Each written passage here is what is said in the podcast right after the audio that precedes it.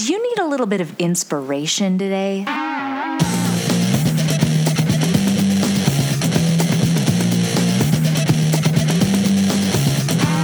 Welcome to the Women Inspired Podcast, brought to you by CareerKindling.com, a growing movement to help inspire, empower, and ignite women in their careers and in their lives. I'm your host, April Seifert. Each week, I get to interview some of the most inspiring women, and I'm bringing those interviews to you. Let's get to it.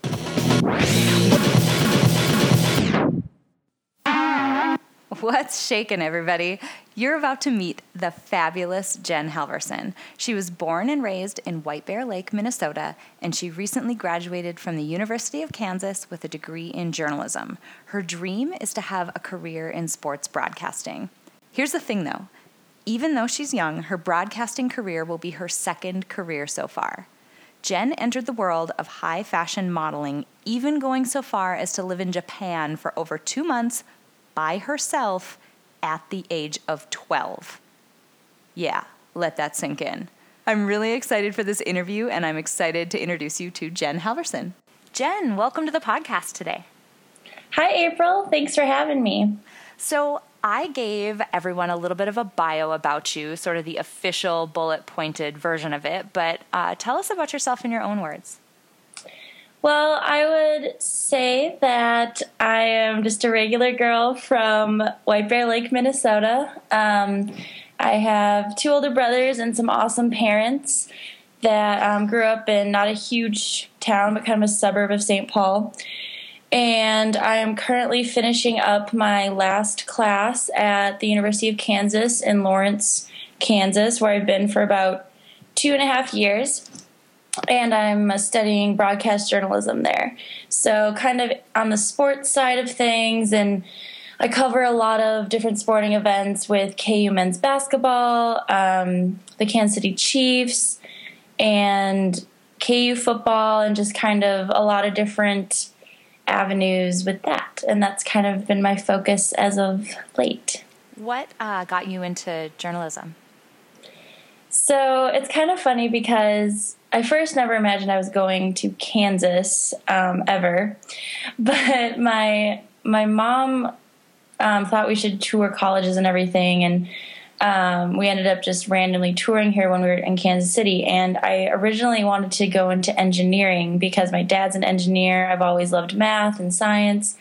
And my mom was the one who goes, I don't really see you kind of being in the cubicle working on engineering type stuff all day long and not talking to people as much. She's like, You're just too much of an extrovert. I just feel like you need to be on camera or doing something super, you know, just involving a lot of people. And she's like, I feel like you would be really good at broadcasting. And she loves politics. So she was in her head, I think, thinking news at the time, but I hate politics. so I was like, okay, well, I would go into sports then, sports broadcasting, because I played sports my whole life. My brothers played sports. My dad coached me. It was, you know, the biggest part of my life for a very long time was devoted to sports. And so I felt that kind of bringing that passion back into my life in a different aspect of it was um, the direction to go for me in order to work hard at it and be very successful. So that's kind of what happened there. I think that's really cool that, you know, well, two things. One, you were open to a suggestion that somebody else had because sometimes other people can see things in us that we don't completely see ourselves. But then two, you took that suggestion suggestion and you said, "No, I'm going to make this my own. I'm actually a great great idea, but I'm going to go in this slightly different direction with it because that would make me happier." I think that's awesome. Thank you. so, for a lot of people, as you know you're basically finished with college right now for a lot of people that's the point at which their career starts. Most of us don't you know do much in the way of a career prior to that. But that's not the case with you. Your career journey started at a much younger age. So tell us a little bit about that. Yeah so when i was um, well actually when i was 12 it was about a month or so before my 13th birthday um, again, my mom, she knows me very well. She, um, I, I was always a tomboy growing up, and when I was getting to about 13, um, 12, 13, she was like, You should really start learning manners, etiquette. And my dad's going, What's the big deal? Whatever, she has basketball practice. And um, she's like, No, I just feel like she would be really good at modeling. And, but originally it was the etiquette and that sort of a thing. So my mom wanted me to learn. So she, um, she found a modeling school where I took one class just to kind of learn what the industry was about and how to walk in heels essentially and put makeup on because I didn't own a pair of heels prior to that and my makeup skills were subpar. so she um yeah, so she looked it up and found it, made the appointment and anyway, what happened is then I did the one class and kind of just kept going about my life and then about few like four three or totally messing that up about two months later it wasn't that much longer now that i think about it we got a postcard for this new york trip um, through the agency that the school was associated with.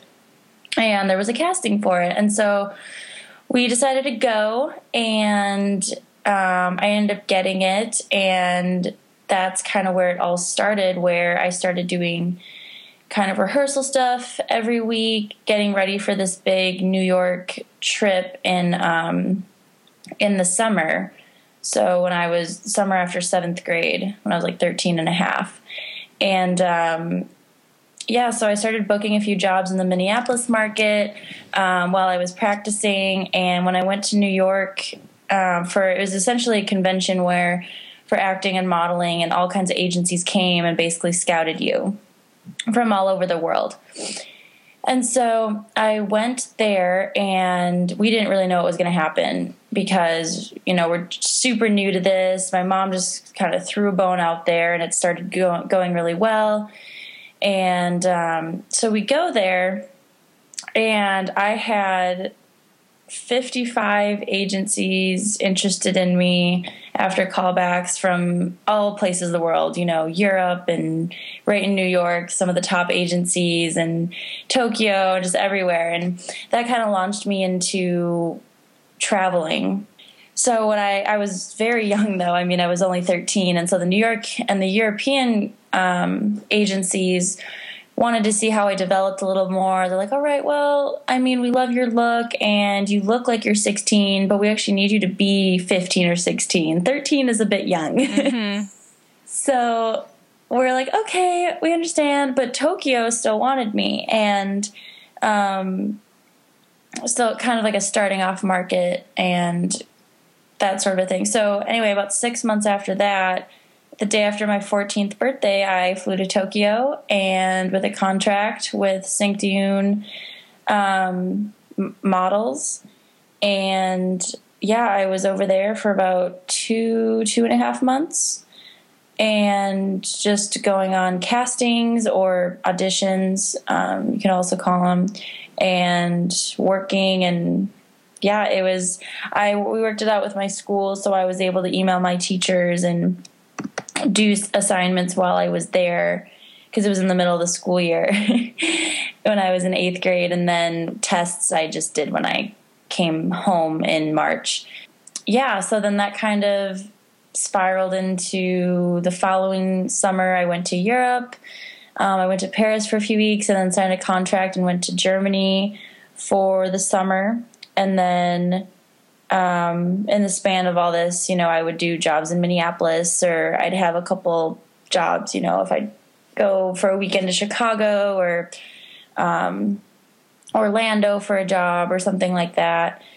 Yeah, so it just kind of became a little mini career very early on and change.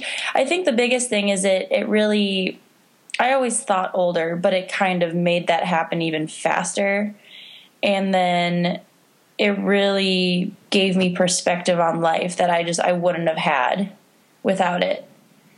So thinking about that, I mean, I'm putting myself back in my shoes as to where I was when I was 13, and I certainly don't think that I could have navigated traveling to Tokyo and all of the things that you you discussed.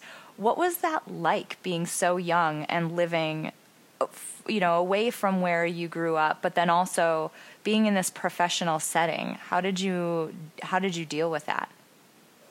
Yeah, well, my mom was there the first two weeks in Tokyo because neither of us had ever been out of the country. Well, she'd been to Mexico, but you know, overseas type stuff. And so, um, but then when she left, it was me on my own. And I don't know, um, well, directions and that sort of thing, I've always been really good with um, navigating cities I've never been to. My mom always tells me that, but um, it, it was weird. It just felt I felt so ready for it, and I was almost like ready for my mom to leave because I was like, I'm ready to be an adult. I'm an adult. Like I can handle this, and it's so funny to me thinking back. And I was so young, and I don't know how I developed that mindset so early on, especially when that was my very first trip and stuff. But I don't know. I, I just felt so ready for it. And so then when my mom did leave, it was a little bit of a shock like, okay, wow, I, I really do have to do all this on my own, cook for myself and go grocery shopping and pay for things and get myself to my jobs that I book on the subway and then navigating the streets and all this sort of a thing. But yeah, I mean, my agency was amazing. They were super nice and I learned a lot from them and I think the best part about Tokyo being the first place that all of this took place was really good because their culture is so kind and um, and honest. So there, it's it's actually one of the safest cities in the world because of their culture. And That's so, really cool. yeah, and so it's it's not one of those things where if you walk up to someone, they could like kidnap you or something. It was if you need help, they'll try and help you even if they don't speak English or um, and just very kind people and really amazing people. And so I think that made it easier for me was just the culture I was in was um, they helped me and then obviously when I came back I'd grown so much that it was you know changed my life forever in a positive way okay, I have about four directions that I want to go, but I'm going to pick I'm going to pick one direction and then I'm going to totally move to something else after this. But most of us likely don't understand the the modeling industry at all. I mean, we see it from the outside either things that come up in the news. Maybe we see things in magazines. Maybe you watch America's Next Top Model or something like that. I mean, that's really the extent to which people outside of the industry really have any idea of what goes on. Can you just tell us a little bit about it from your perspective and the things that just what about it would we not understand given that we're not we're not in it as much as you are? Well, I think there's a couple sides to the industry and there's you know the really good side where you go to your castings and you're booking work and outside of that you are working out consistently and promoting a very good lifestyle. Typically what you'd see in you know some of the top models like the vs models and that sort of thing. But it's also very true with a lot of working models you know because you have to keep your skin healthy you have to keep your hair your nails looking nice all the time basically you just have to keep yourself looking as perfect as possible all the time. In reality, you say perfect, but it's really just taking care of yourself. You know, it's just basic things to, you know, live a healthy lifestyle. So there's, you know, the very positive side, and then there's the side where girls get in their head where they need to be thinner. That's why they're not booking work, and then they stop eating. And there's that whole road, which is very true. But I think the common stereotype is that models don't eat at all, and I think that that's really um, not true because yes, there are models that don't eat and don't work out and are just very thin and unhealthy looking, but there's also models who they try very very hard to stay as thin as the models that don't eat but they are eating and working out and you know what i mean? So I think there's that sort of a thing. And then there's a lot of um, opportunity in the business, but there's also a lot of red flags that you have to be aware of and kind of you have to decide going into the industry how far you'll go and then you should really stick with it and not change and i think that's if i could give any advice to someone who may be listening to this and wants to go into the business or is just listening to this for whatever that they should make up their mind their their values and their what they believe before going into this business because you do have to really know yourself and be confident and um, decide, you know, okay, maybe I don't want to do that. And that whole, that, I don't know, that's a whole big part of it, I would say. How did you keep yourself from going down that sort of other side of it? The side of, you know, because you sort of describe two sides of the coin the side of the coin where you're really focused on living a healthy lifestyle and keeping your body healthy, which then translates into, you know, being able to look your best, but versus you know not eating as much and and moving down a less healthy path how did you keep yourself from doing that well, for me, I was always an athlete, and when I wasn't traveling, I was still in sports because I was on multiple teams and all this sort of stuff. So when it when the whole thing came up, where it was like girls just stop eating, it, the that whole uh, mindset was just very strange to me. And I was like, how could you not eat? I mean, that doesn't make any sense. Like, how do you how do you live? For me, it was kind of I was getting into it so young, and I there was different girls at different agencies that I'd met, and I saw the lifestyle they lived, and I didn't want to be that way. And they were older than me; they'd been in the industry for longer. And I just kind of thought, upon first getting into it, I never want to be that way. I never want to get full of myself, and nobody likes working with someone who thinks they're better than everyone, first of all. And second of all, I never want to be so insecure that I, I just I can't eat because that's no way to live. I mean, it's I don't know. I mean, you lose energy. You just you don't look. You're not your usual self, and because it, it it messes up your mind and stuff because you're not getting enough energy to your brain and I don't know. So there's that aspect, and I just I think my parents really. I mean, my family was there with me through everything. And even when I wasn't with them, they were Skyping me every single night. And I was talking to them every single night. And so, like, they kept me grounded, and just their upbringing kept me grounded in morals and values that were instilled in me. And when I was becoming older, I was like, okay, do I really believe this or just my parents? And I realized, no, I do really believe this.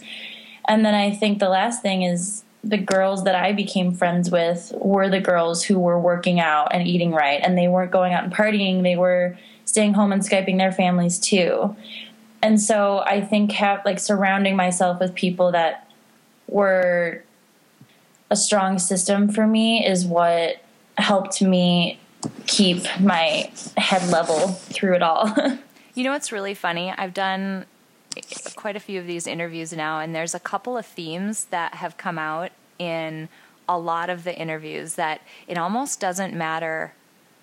Well, it, it almost doesn't matter what the person's background is. These couple of themes keep hitting, and I keep hearing them. One is that, you know, you touched on in the beginning, you had been an athlete and you were so focused on exercising in order to be in athletics that the impact of what that you know meant for how your body looked was almost a secondary thing. That was just sort of an artifact of you doing this activity that you really loved. And what's really cool is I've heard a number of women that I've interviewed talk about this mindset that they've been able to cultivate or keep throughout their life where they're very focused on what their body can do and how it's able to perform.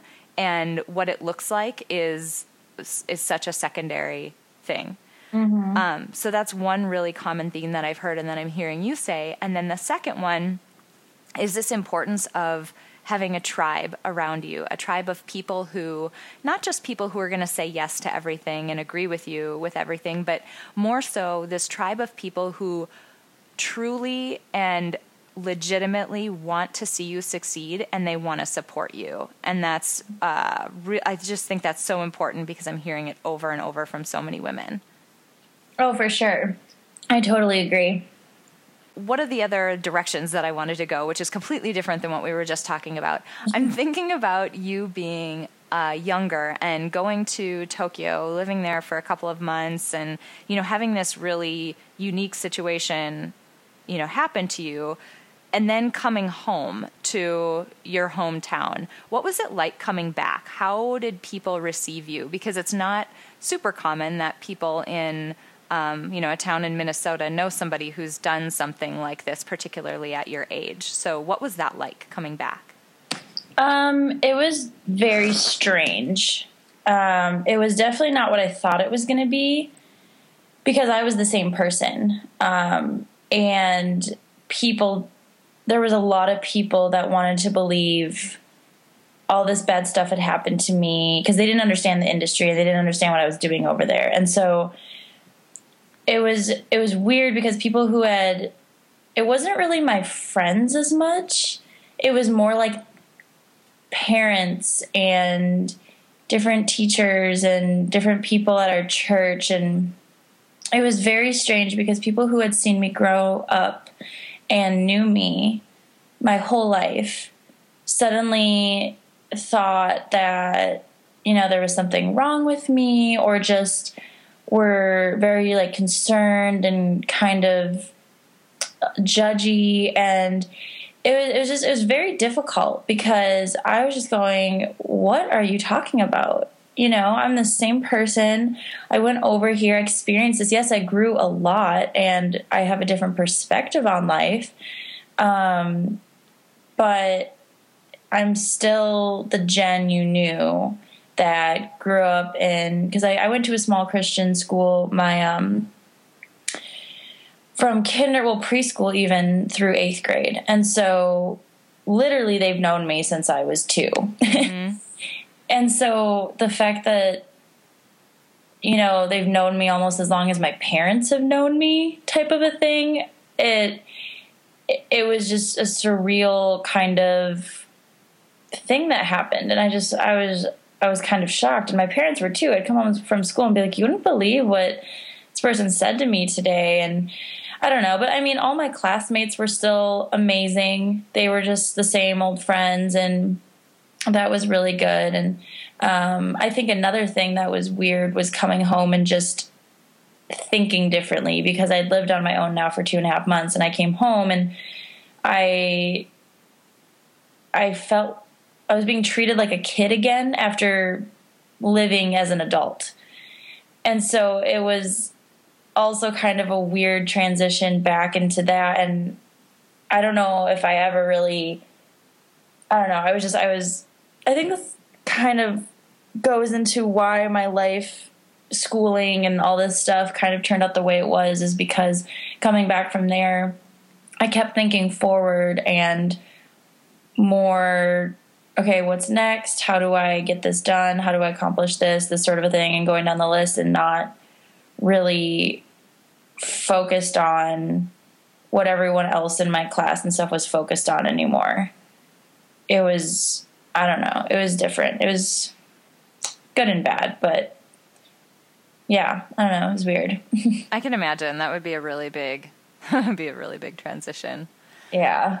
So we've talked a bit about you know your your career that you're moving into now, uh, broadcast journalism, and we've talked a lot about you know your past modeling career. And when you think about both of these careers, there's a lot of public attention that comes with both of them. And I know you mentioned that you were an extrovert and um, you know like to interact with people and you know be you know be social with people and that type of thing. Um, but there's a lot of attention, and particularly a lot of attention on the way you look. So how do you frame that up in your mind and how do you deal with all of that? Well, I think that you can try and look as good as you want all day long, but at the end of the day, people are going to remember how you treated them. And people are going to remember kind of if you were kind to them and how you made them feel and that sort of a thing. I kind of discovered that if I'm doing something I love to do and I'm happy, then I'm not going to let other people's kind of thoughts about how I look really like affect me. Mm-hmm. And with modeling, it's it's a little different because you have to look a certain way in order to book work. So there's that, which is, you know, it's fine. It's the industry. I mean, you have to make the clothes look good and the client will decide if, you know, you fit that or not. And so um, it's heavily, it's a lot more heavily important in modeling, I would say, in how you look. And I think you do have to look good to be on camera for broadcast journalism, but it's um, there's a lot more. I don't know. I feel like I have to work a lot harder in it. I mean, modeling, but I don't want to write off modeling because looking back, like you do work hard in modeling, and everyone gives models, you know, a hard time for oh, you just pose in front of a camera. Well, no, it's really long days and you sometimes have 4 a.m. call times and you work the whole day and you're doing a photo shoot at the crack of dawn in freezing weather because they want to get the sun coming up and you lose feeling in your hands and toes and you have to make it look graceful. So I don't want to write off that modeling isn't hard work because it is, but they're different styles of hard work. And I think that with broadcast journalism, it's still a lot of long hours, but um, for me, it, it takes a lot more out of me just mentally trying to find the story at a sporting event that's worth telling. My point is that if you're doing what you love, I actually just posted this on Instagram yesterday. Um, one of my favorite quotes If you do what you love, you'll never work a day in your life. And I think that's very true. And if you believe you're good at something and you can do something, it doesn't matter how you look or what people think about you. You just need to keep working for it and prove them wrong because they don't know you, they don't know your story, and they don't know how much you have to offer. So that's kind of how I feel about people just dwelling on your looks because it's never just your look. Once they once you force them to get to know you a little more and see how hard you work and see that there's so much more to you, then it's not as big of a thing. So as you look back, you've had you know, a career longer than most people have when they're your age. What have you learned that you can share with other women? Things that they might be able to apply in their career, or in their life? I think that you need to, if you don't really know what you want to do in life, take the time to figure it out. And when you figure it out, hold on to it and go after it for you know, as hard as you can because just, and then take the time to look on what you've accomplished. Because I find myself sometimes I just, I'm going, I'm going, I'm going, and I don't take the time to kind of look back and be like, wow, I've, I've done all of that because I'm always looking for the next thing. Sometimes you need to look back and just kind of kind of like give validate yourself that you have been working really hard and you are doing a good job and you're making steps to where you want to be in your career. You may not be there yet, but you're on your way. And I think holding on to those tangible goals, even if they're not real yet, but they're you're climbing the climbing the bridge or the mountain, then you just need to keep those goals in mind and keep what you want out of this life in mind because that's what's going to keep you going and keep you motivated to continue your career and keep building yourself and making yourself better and working harder and keeping a strong work ethic is just always keeping those goals in mind and you know stating them reiterating them to yourself every day so that you know why you're getting up and why you're going after what you're going after. So, I have one last question for you, and it is something that I ask every single woman that I interview on the podcast. We are compiling a Spotify Power playlist, which is a set of songs that are curated by the women who have been interviewed on this podcast. And so, I want to make sure that I include your uh, song. So, I have to ask you what your favorite motivational song is. Well, I think I have two. Is that okay? you can totally break the rules. I love it. Okay. Um, well, I have one where when I'm like working out or need to get pumped up, it's my motivational song. And I feel like I can just conquer the world when it comes on. And it's um, Headstrong by Trapt. Yeah. And then my other song that just also kind of at any time of the day, but it's more, I just like thinking about it and singing it is um, I Hope You Dance by Lee Ann Womack. They're very different styles of songs, but um, I, they're two of my all time favorite songs. I love it. Jen, I have to say thank you so much for agreeing to be interviewed on the podcast, for sharing your story, for being open and being honest about your experiences. It's never an easy thing to have somebody interview you and, and put you out there like this. So I so appreciate that you were willing to chat with me today. Definitely. I, I appreciate you having me and letting me tell my story. It, it was a good time. awesome. I hope you enjoyed that interview with Jen Halverson. To make the most of what you heard in her interview, head over to www.careerkindling.com to find Jen's show notes page. Here you'll find some key takeaways from today's interview as well as some prompts to help you reflect on what you heard. While you're there, sign up to join our community and we'll give you immediate access to our Spotify Power playlist, including Jen's songs Headstrong and I Hope You Dance.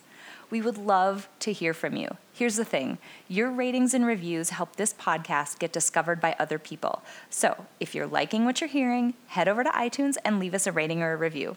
And don't forget to subscribe so you don't miss a single episode. I've got some amazing interviews coming up. Finally, I'm on the lookout for the next set of inspiring women to be featured on this podcast. So, if you know an inspiring woman, or dare I say it, you are an inspiring woman, drop me a note at hello at careerkindling.com. And until next time, have an inspired week.